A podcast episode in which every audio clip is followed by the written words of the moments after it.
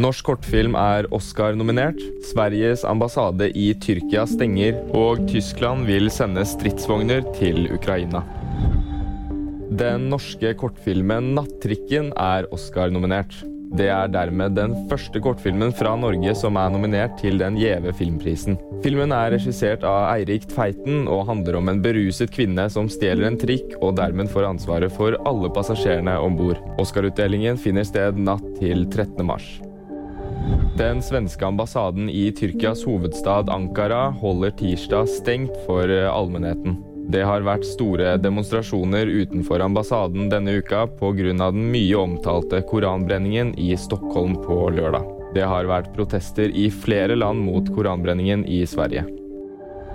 Tyskland skal være klare for å sende egne Leopard stridsvogner ned til Ukraina. Det skriver den tyske avisen Spiegel og siterer anonyme kilder.